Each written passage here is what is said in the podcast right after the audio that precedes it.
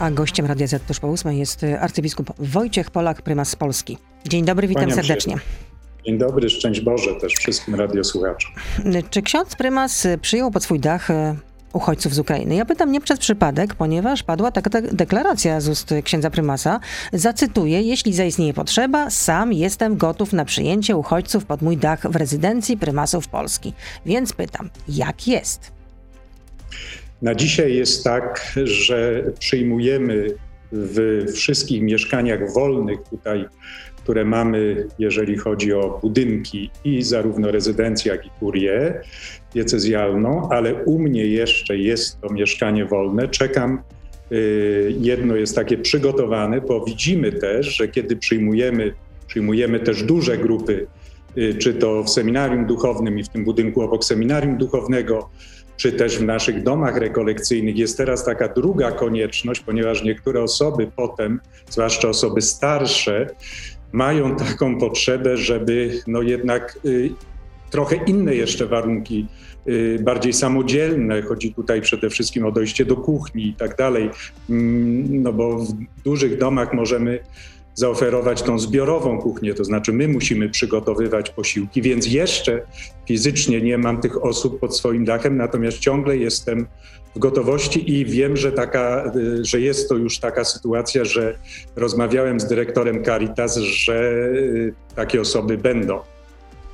A kogo e, Więc- mógłby ksiądz prymas przyjąć pod swój dach? Bo mówi ksiądz, że no niektórzy mają takie oczekiwania, że powinni mieć właśnie dostęp do samodzielnej kuchni. No u księdza akurat To prymasa znaczy nie ma tak, takich no, warunków. nie tylko mają oczekiwania, ale widzimy sami, że to jest y, lepsze, że y, są to mieszkania po prostu całe przeznaczone. Stąd y, tutaj wyszukaliśmy wszystkie możliwe wolne mieszkania i po świętej pamięci księdzu biskupie Wojtusiu i o innych osobach, które zostały przeniesione do domu seniorów, że y, w ten sposób też y, y, jest po prostu przede wszystkim całe zaplecze związane sanitarne, niezależne, niekrępujące i do tego jeszcze właśnie kuchnia, dlatego że te osoby chcą też być aktywne, to znaczy mówią, proszę księdza, byłem, rozmawiałem z takimi osobami, mówią, my potrzebujemy oczywiście pralki, to jest pierwszej, dziś się oprać w tych wszystkich domach naszych rekolekcyjnych i w tych miejscach też, gdzie, gdzie y, uchodźcy przebywają, w tych mieszkaniach również montujemy y, wszędzie właśnie chociażby pralki, żeby no, była możliwość takiego osobistego, jak najszybszego nazwijmy to, powrotu do y, życia, to znaczy do takiego ludzkiego, godnego życia. I dlatego też y, to są jakby w pierwszym rzędzie u mnie taka możliwość też będzie istniała. Y, mamy tak zwaną dolną kuchnię i siostry oczywiście ją oddają do dyspozycji, więc, więc taka rzeczywistość będzie. Prawda jest taka, że niestety dom biskupa jest jednocześnie biurem przez które przechodzą tutaj osoby każdego dnia. Ja nie mam takiej tak zrobionej i wydzielonej, że y, swoją część prywatną, ale też to wszystko dzieje się, y, że tak powiem, przechodnie, więc, y, więc też dla takich osób no, musi to nie być krępujące, że będą spotykać ludzi siedzących do biskupa, y, czekających na spotkanie. No ale mimo, wszystko wszystko to, ale mimo wszystko chyba lepsze takie lokum niż na przykład wielka hala.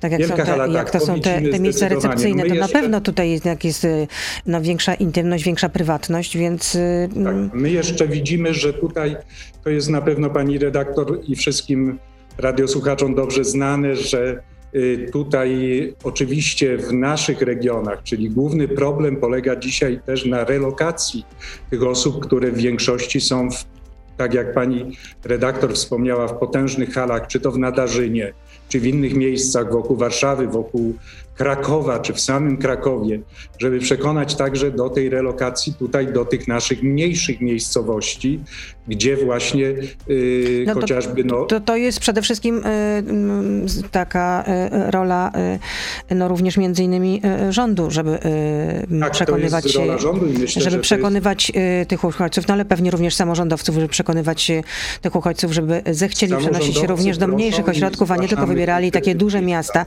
Ale podsumowując, że ksiądz y, prymas jest nadal otwarty i, cał, i y, istnieje wielkie prawdopodobieństwo, że w końcu jakaś osoba, czy też osoby, uchodźcy z Ukrainy Tak, tak, u, u, księdza prymasa się znajdą. A czy są jacyś inni biskupi, którzy przyjęli pod swój dach? Bo czytam, że y, arcybiskup Jędraszewski przyjął do pałacu Tak, ja arcybiskupu myślę, jest wielu, krakowskich, którzy- ale nie wiadomo ilu uchodźców i że jeszcze biskup Tarnowski, Andrzejesz też przyjął uchodźców do swojej rezydencji. A czy są jeszcze jacyś biskupi, którzy przyjęli uchodźców do swoich rezydencji, bezpośrednio do swoich rezydencji? To znaczy, mm, na pewno są, z tym, że ja nie mam takiej wiedzy. My nie rozmawialiśmy w czasie ostatniego zebrania plenarnego konferencji episkopatu, który z księży biskupów przyjął, który nie. Ja rozmawiałem wprost z księdzem biskupem Jerzem, pytając go właśnie o jak y, dom funkcjonuje, jak on y, tutaj y, współpracuje, także jeżeli chodzi o, o mm, osoby, które są w domu. Natomiast rozmawialiśmy i to jest istotną rzeczą także w czasie tej ostatniej konferencji episkopatu o całym systemie y, przyjmowania osób i o tym, co tutaj pani redaktor wspomniała, także o współpracy zarówno z samorządami, zarówno z rządem. Tutaj oczywiście główną y, instytucją Kościoła Caritas. jest Caritas i Caritas jest przez nas na różne sposoby wzmacniany, także w koordynacji. Y, Dlatego mówię też o, o, to, że, o tym, że ja jestem w bezpośrednim chociażby kontakcie, jak każdy biskup w każdej diecezji ze swoim dyrektor, dyrektorem Caritasu, dlatego że to przez Caritas przychodzą na przykład tutaj u nas w Gnieźnie także od y, z Poznania, gdzie jest centrum przyjęcia od pana wojewody, konkretne osoby. Y, Dyrektor Caritasu otrzymuje wiadomość, rodziny już jadą i tak dalej, gdzie i on wtedy y, jest pierwszym odpowiedzialnym, gdzie je umieszczać. Ale rozumiem, gdzie, że, ale rozumiem, że uchodźcy głównie trafiają na przykład na parafie, trafiają do mieszkań prywatnych, tak? To, to przede, wszystkim dokład, przede wszystkim tam trafiają. A ja pytam przede też o instytucje, które podległe są... do domów Tak, proszę.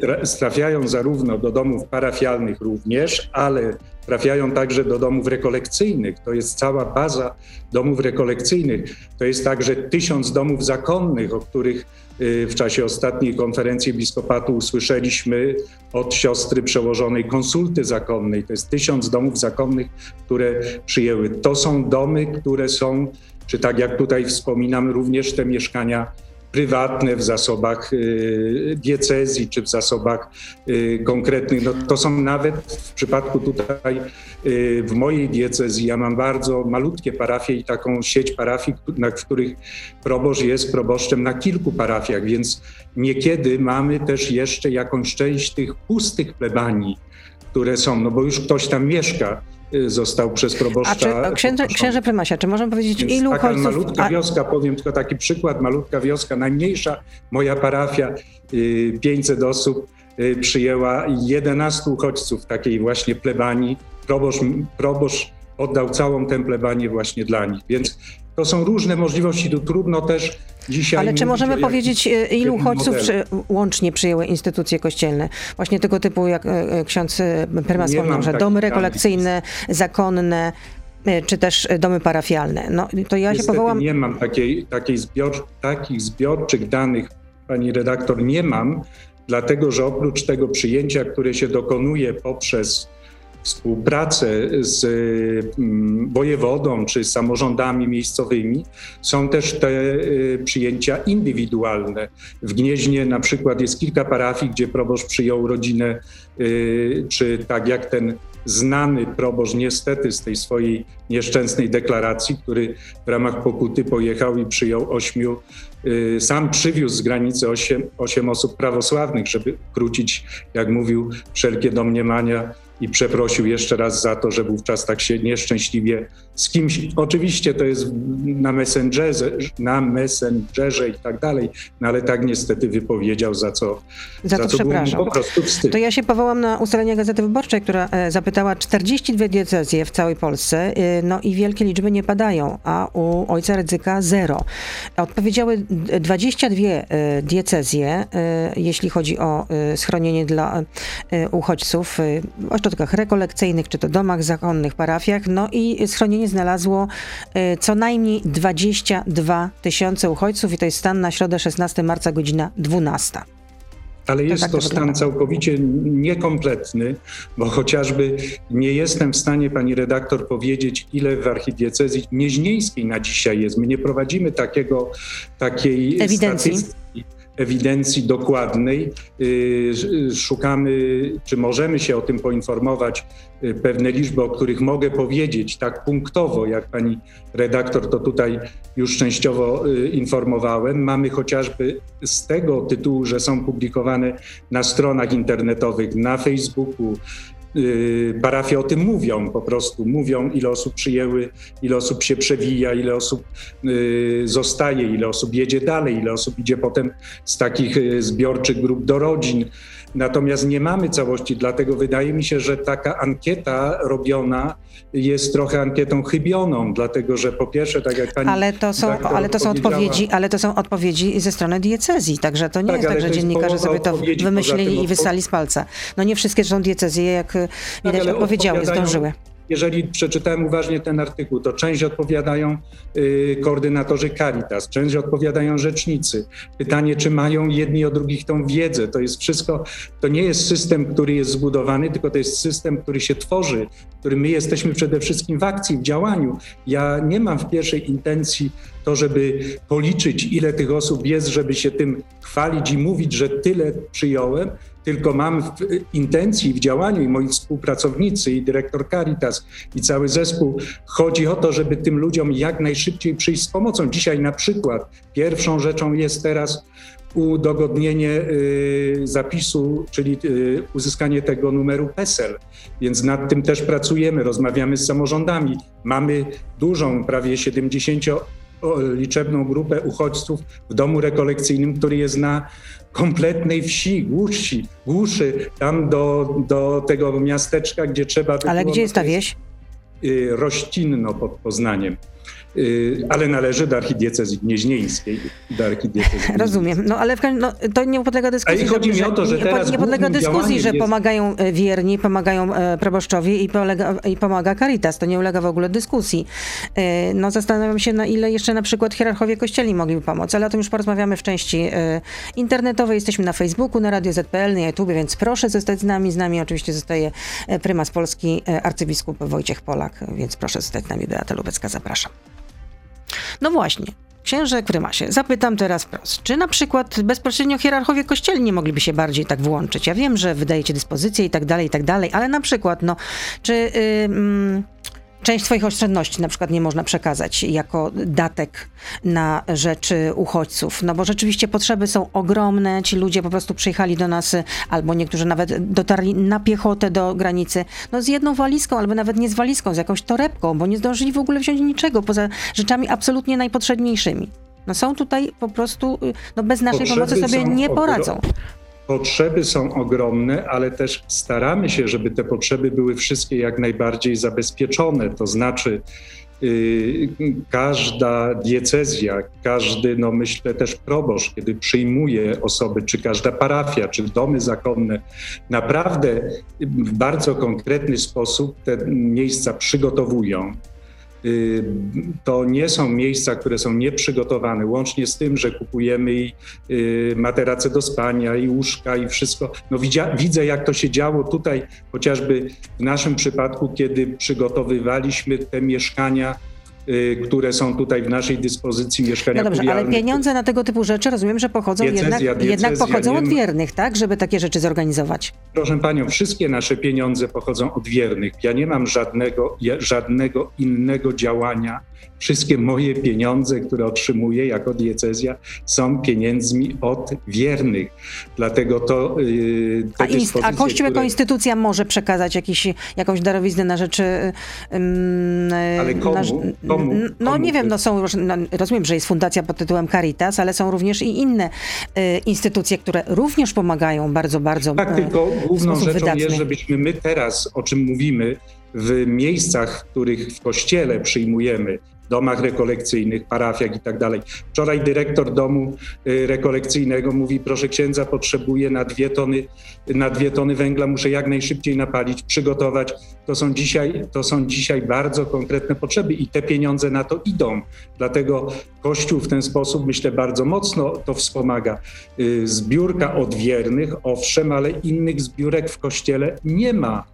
To są, to są rzeczy, które tworzą budżet i te 20, te y, ostatnie 32 miliony, które zostały zebrane na Caritas, to, to jest zbiórka dla nas w kościołach zrobiona w y, czasie Środy Popielcowej i w niedzielę Y, w niedzielę przed Wielkim Postem, to jest dla nas y, naprawdę wielkie zobowiązanie, wielka wdzięczność, bo te pieniądze teraz pozwalają nam na podejmowanie tych działań bardzo konkretnie właśnie y, poprzez także instytucje Kościoła, takimi jak taką, jaką jest chociażby Caritas Polska. Caritas Polska, o ile pamiętam, bo jeżeli znów chcemy mówić, to jest 180 tirów, które przejechały granicę z pomocą humanitarną. To jest 40 milionów które już zostały na tą pomoc na Ukrainę przekazane. Więc to są, to są też, to jest wkład całego Kościoła w Polsce. Nie? To nie możemy mówić tylko o tym, że y, Kościół powinien y, jeszcze y, Oczywiście, jeżeli taka, taka konieczność istnieje, pracujemy też w, we współpracy z samorządami, dzielimy się też tą odpowiedzialnością. Tutaj myślę, że dużym y, i takim apelo, o to bym apelował też idąc trochę za biskupem Zadarko, żeby jednak ta koordynacja ze strony też y, państwa była większa, żebyśmy tutaj, y, no mamy już specustawę, więc wiemy, że też państwo pracuje, że te systemowe rozwiązania będą dalej prawdopodobnie szły, ale one nam też w ten sposób na pewno y, dopomogą takim wspólnym działaniu. Księże Prymasie, a jak nazwać to, co się teraz dzieje na Ukrainie? Jak to nazwać? To, co robi Putin w Ukrainie, że niszczy kraj, że zabija dzieci. E, oczywiście nie on bezpośrednio, no ale to jest jego decyzja. E, armia rosyjska tak się zachowuje, że zabija dzieci dorosłych, że bombardowane są szpitale, bombardowane są obiekty cywilne. No jest to po prostu barbarzyństwo. To jak to nazwać? Ja no, Dlaczego... powiedziałem, że ma to znamiona ludobójstwa, pani redaktor. Już kilkakrotnie o tym mówiłem. To ma znamiona ludobójstwa. To jest po prostu wyniszczenie niszczenie suwerennego, niepodległego narodu. To jest papież Franciszek wprost dramatycznie wołał masakra. Mówił masakra, to jest masakrowanie ludzi. No tak, ale papież Franciszek nie potępił Putina, nie potępił agresora. Dlatego, dlaczego, dlatego też wierni sobie zadają pytanie, dlaczego nie ma takiej zdecydowanej reakcji Watykanu? Dlaczego myślę, papież Franciszek nie powiedział, że to jest po prostu zło i że Putin robi złe rzeczy? Wojny jeżeli pani redaktor mnie nie słyszała od pierwszego dnia wojny, jeżeli pani redaktor przeczytała oświadczenie konferencji episkopatu z ostatniego naszego spotkania, jest wprost powiedziane agresja Rosji. Tam nie ma żadnej dwuznaczności i nie ma tutaj żadnej dwuznaczności w tym, kto jest agresorem, kto, kto jest ofiarą. I, I, widzimy to w sposób jednoznaczny, jednoznacznie o tym mówimy. I no ale ze strony Watykanu skala, takiej jednoznaczności tego... nie ma, księże prymasie. No taka jest prawda. Skala nie ma potępienia dla Rosji. No, wierni się zastanawiają, dlaczego tak się dzieje, że przywódca, e, e, że e, głowa kościoła, że przywódca duchowy kościoła no, nie stawia Myślę, sprawy w sposób jednoznaczny. Bardzo mocno, bardzo mocno wskazując i bardzo mocno nazywając po imieniu Zapytała mnie pani, jak to nazwać, co się dzieje. To odpowiadam też słowem, które było z audiencji papieża Franciszka. To jest masakra, to jest dramat ludzki, to jest niszczenie ludzi. Ojciec Święty w sposób konkretny to wskazuje. To, że yy, nie wymienia agresora, być może ja nie jestem politykiem, nie jestem dyplomatą, nie, pam nie, pamiętam jednak, nie przypominam sobie jednak, że kiedy Ojciec Święty Jan Paweł II tak dramatycznie wołał, że nigdy więcej wojny, kiedy próbował ostrzegać przed inwazją, do, przed, przed wejściem do Iraku, nie użył też, nie wskazał też, kto wchodzi do tego Iraku. Nie powiedział, że razem z Amerykanami idą Polacy nie? ostrzegał przed tym, co może być konsekwencją takiego działania, chociaż wiemy, że było ono podejmowane wówczas, przynajmniej tak jak twierdził i miał takie wiadomości Bush w słusznej sprawie, bo bał się bomby, bomby chyba chemicznej tworzonej przez, wówczas przez Husajna. Nie? Ale, mm, no tak, ale jak się prześledzi, ale jak się prześledzi, przepraszam, że wejdę w słowo, jak się prześledzi jednak reakcję Watykanu, no to kiedy wybuchła wojna w Ukrainie, to pierwszego dnia Watykan milczał, dopiero następnego dnia było oświadczenie ala papieskiego sekretarza, który właściwie no, tak dość subtelnie określił to, co się wydarzyło. Ja myślę, że... Że, tam, że to się też rozwija, że to się rozwija i jest, y, widzimy, ja widzę papieża Franciszka na konkretnych audiencjach generalnych, gdzie się spotyka. Nie wiem, czy pani, czy pani y, redaktor y, pamięta, kiedy zwrócił się do tego Franciszkanina, którego rodzice w Kijowie powiedział publicznie o rzeczy, że jego rodzice w Kijowie siedzą pod bombami teraz w, w schronie i, i, prosił za niego o modlitwę i, i prosił o to, żebyśmy byli z nim solidarni. Więc ja myślę, że papież Franciszek, poza tym ten to nie jest gest, bo to można by powiedzieć, że to był gest papieża Franciszka. Nie, to była konkretna, jak powiedział ksiądz y, Konrad Krajewski, obecność papieża Franciszka na Ukrainie przez niego i przez kardynała Czernego. I to nie w miejscach, w których mógł spotykać się z dyplomatami, z żadnymi dyplomatami rosyjskimi i innymi się nie spotykał. Spotykał się z konkretnymi ludźmi, no nosił nie, konkretne no nie, no z, z tego co pamiętam, to chyba jednak papież Franciszek spotkał się z ambasadorem Rosji.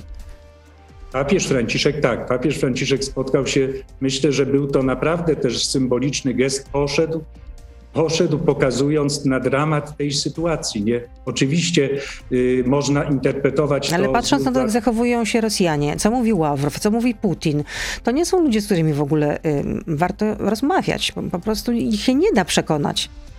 Zresztą język, jakim posługuje się Władimir Putin, jest po prostu absolutnie nie do przyjęcia. Ja myślę, że tu nie chodzi o to, żeby, żeby przekonywać czy zmieniać przekonania, to znaczy przekonania, żeby zatrzymać wojnę. O to głównie chodzi. Chodzi o to, żeby powstrzymać, jeszcze raz mówię, ten dramat, tę tragedię, tę masakrę, która się dzieje i która jest robiona rękami Rosjan. I tutaj nie ma innego innej, in, i zarówno w, naszej, w naszych modlitwach, w naszej prośbie o modlitwę, w każdej diecezji myślę, że tak jest, że śpiewamy suplikacje y, od powietrza, głodu, ognia i wojny zachowaj nas Panie. Wołamy nie dla siebie, wołamy w intencji tych, którzy dziś cierpią. I także cała nasza pomoc, o której wcześniej mówiliśmy dla uchodźców, jest też przede wszystkim naszym protestem, naszą niezgodą na to, co się dzieje, że ludzie są wypędzani z domów, nie? że są wypędzani z domów, że rzeczywiście cierpią, że to cierpienie tak bardzo ich dotyka i rozlewa. My wszyscy jesteśmy świadomi. No, oni uciekają po prostu przed bombami i chcą uratować przed swoje bombami. życie, a przede wszystkim życie swoich dzieci, bo tutaj przecież tak. do Polski napływają przede wszystkim e, kobiety, matki e, z małymi, czasami malutkimi dziećmi. Więc tak, tak to ale wygląda. Widzimy też, jak bardzo na miejscu będzie, to jest pierwsza, y, pierwszy, to są jeszcze pierwsze momenty, nie? Natomiast psychologowie mówią już nam bardzo mocno, że za trzy miesiące będzie konieczność też pewnej bliskości większej, jeszcze pewnej pomocy, także specjalistycznej. Ja rozmawiałem także z Fundacją Świętego Józefa. Y, chodzi głównie o to, żeby duszpas, mamy, mamy duszpasterzy w każdej diecezji osób skrzywdzonych, tak, ale właśnie, żeby ci duszpasterze także teraz rozszerzyli tą swoją pomoc bardzo konkretną, osobistą, poprzez rozmowy, poprzez obecność właśnie w tych miejscach, gdzie czy w tych mieszkaniach, w rodzinach, w domach. Czyli taka y, opieka no, na poły psychologiczna również, tak można powiedzieć. Na poły psychologiczna, ale także duchowa, nie? Także duchowa. Tutaj też mm, myślę, że pani redaktor już wie, że konferencja episkopatu, Rada Prawna i Rada do Spraw Ekumenizmu wydała też bardzo konkretny dokument dotyczący duchowej opieki, żeby przede wszystkim unikać jakiegokolwiek prozelityzmu, jakiegokolwiek y, tutaj y, ranienia tych osób, jeżeli chodzi o ich ich przynależność do Kościoła prawosławnego czy do Kościoła grecko-katolickiego, ale z drugiej strony, żeby być otwartym na ich duchowe potrzeby. Dzisiaj to już są bardzo praktyczne rzeczy. Już pytają proboszczowie, że dzieci y, ukraińskie chcą iść do pierwszej komunii świętej. Y, dzieci katolickie nie ma żadnych tutaj, ale dzieci grekokatolickie też nie ma żadnej, żadnej przeszkody. Nie mamy takiej dużej struktury parafii grecko-katolickich w Polsce, dlatego też będziemy pomagać w każdym takim przypadku i w każdej takiej sytuacji na miejscu, gdzie te dzieci są. A jak przekonać Polaków, by ta taka mm, wola pomocy nie gasła? No bo już pojawiają się, nie, czasami można poczytać w internecie te na, narzekania, że niby y, rzekomo y, to uchodźcy mieliby tak dobrze, no bo mają darmową komunikację y, albo no, że kolejki do lekarza będą się wydłużać. No ale to ludzie mu piszą kompletnie bez wyobraźni. No, wystarczy sobie pomyśleć, co by było, gdybym budzę się y, w nocy y, mój budynek jest, znaczy dom, w którym mieszkam jest bombardowany, natychmiast się muszę ewakuować z moimi bliskimi i po prostu idę w nieznane i nie wiem, czy nawet dotrę do tej do granicy, bo może po drodze spotka mnie śmierć. No więc jak podtrzymywać ten, no, tę chęć niesienia pomocy? Bo to jest jednak maraton, a nie, a nie sprint. Oczywiście tak, to jest maraton, a nie sprint. Trzeba pamiętać przede wszystkim zawsze, jeżeli się myślę, wypowiadamy, czy widzimy jakieś sytuacje, w których mamy pytania, trzeba myślę, pamiętać o tym. Ci ludzie nie wybrali sobie tej drogi do Polski. Oni nie przyszli tutaj dlatego, że chcieli. To są, to są ludzie wypędzeni z domów. To są ludzie, którzy, to są ludzie, którzy, y, którzy y, szukają życia. To są ludzie, którym to życie trzeba ocalić. Nie? I tu nie ma innej drogi jak pomoc i obecność i bliskość i działanie. Oczywiście znów wracając do naszej troski, Kościół musi też o tym mówić. To znaczy ten pierwszy e, etap przyjęcia, otwarcia, jesteśmy tak wdzięczni wszystkim. To znaczy tu my y, nie szukamy, nie liczymy, nie chcemy się ścigać na to, kto więcej przyjmie, kto mniej, y, że Kościół powinien więcej, czy nie. To są tematy, które nas nie interesują. Nas interesuje konkretny człowiek, którego dzisiaj trzeba otoczyć opieką i współpracujemy ze wszystkimi i chcemy jak najmocniej i jak najwięcej dać siebie, żeby to zrobić. Natomiast jest ten następny etap, w którym my właśnie także musimy poprzez nasze nauczanie, poprzez to, co jest nauczaniu Kościoła mówić. Y, ksiądz biskup Zadarko dał nam na ostatniej konferencji taki tekst, który w oparciu jest o cztery słowa, cztery podstawowe słowa, które uczy nas papież Franciszek, a więc przyjąć, ochraniać, integrować, integrować i jeszcze jest trzecie słowo, które mi teraz wypadło akurat z pamięci. A więc te cztery słowa, które są bardzo konkretnie: przyjąć, chronić, promować, integrować i musimy nauczyć w duchu tych słów, rozwijając te słowa, musimy pokazywać, że jesteśmy właśnie bardzo konkretnie y, jako społeczeństwo musimy być zaangażowani w to, w to działanie. I to niech będzie najlepszą puentą naszej rozmowy. Bardzo dziękuję za to spotkanie. Arcybiskup Wojciech Polak, prymas Polski, był z nami. Życzę dużo zdrowia nieustająco. Bardzo dziękuję i dziękuję także, że mogłem e, w ten sposób, e, myślę, że dodać trochę nadziei i otuchy. Pamiętajmy, że e, Bóg jest po naszej stronie, nie po stronie agresji, po stronie nienawiści. Pan Bóg nie jest Bogiem wojny i nienawiści, jest Bogiem pokoju, dlatego będzie nam błogosławił. Bardzo dziękuję. Wszystkiego dobrego. Dziękuję bardzo. To był gość Radia Z. Słuchaj codziennie w Radio Z i na player radioz.pl.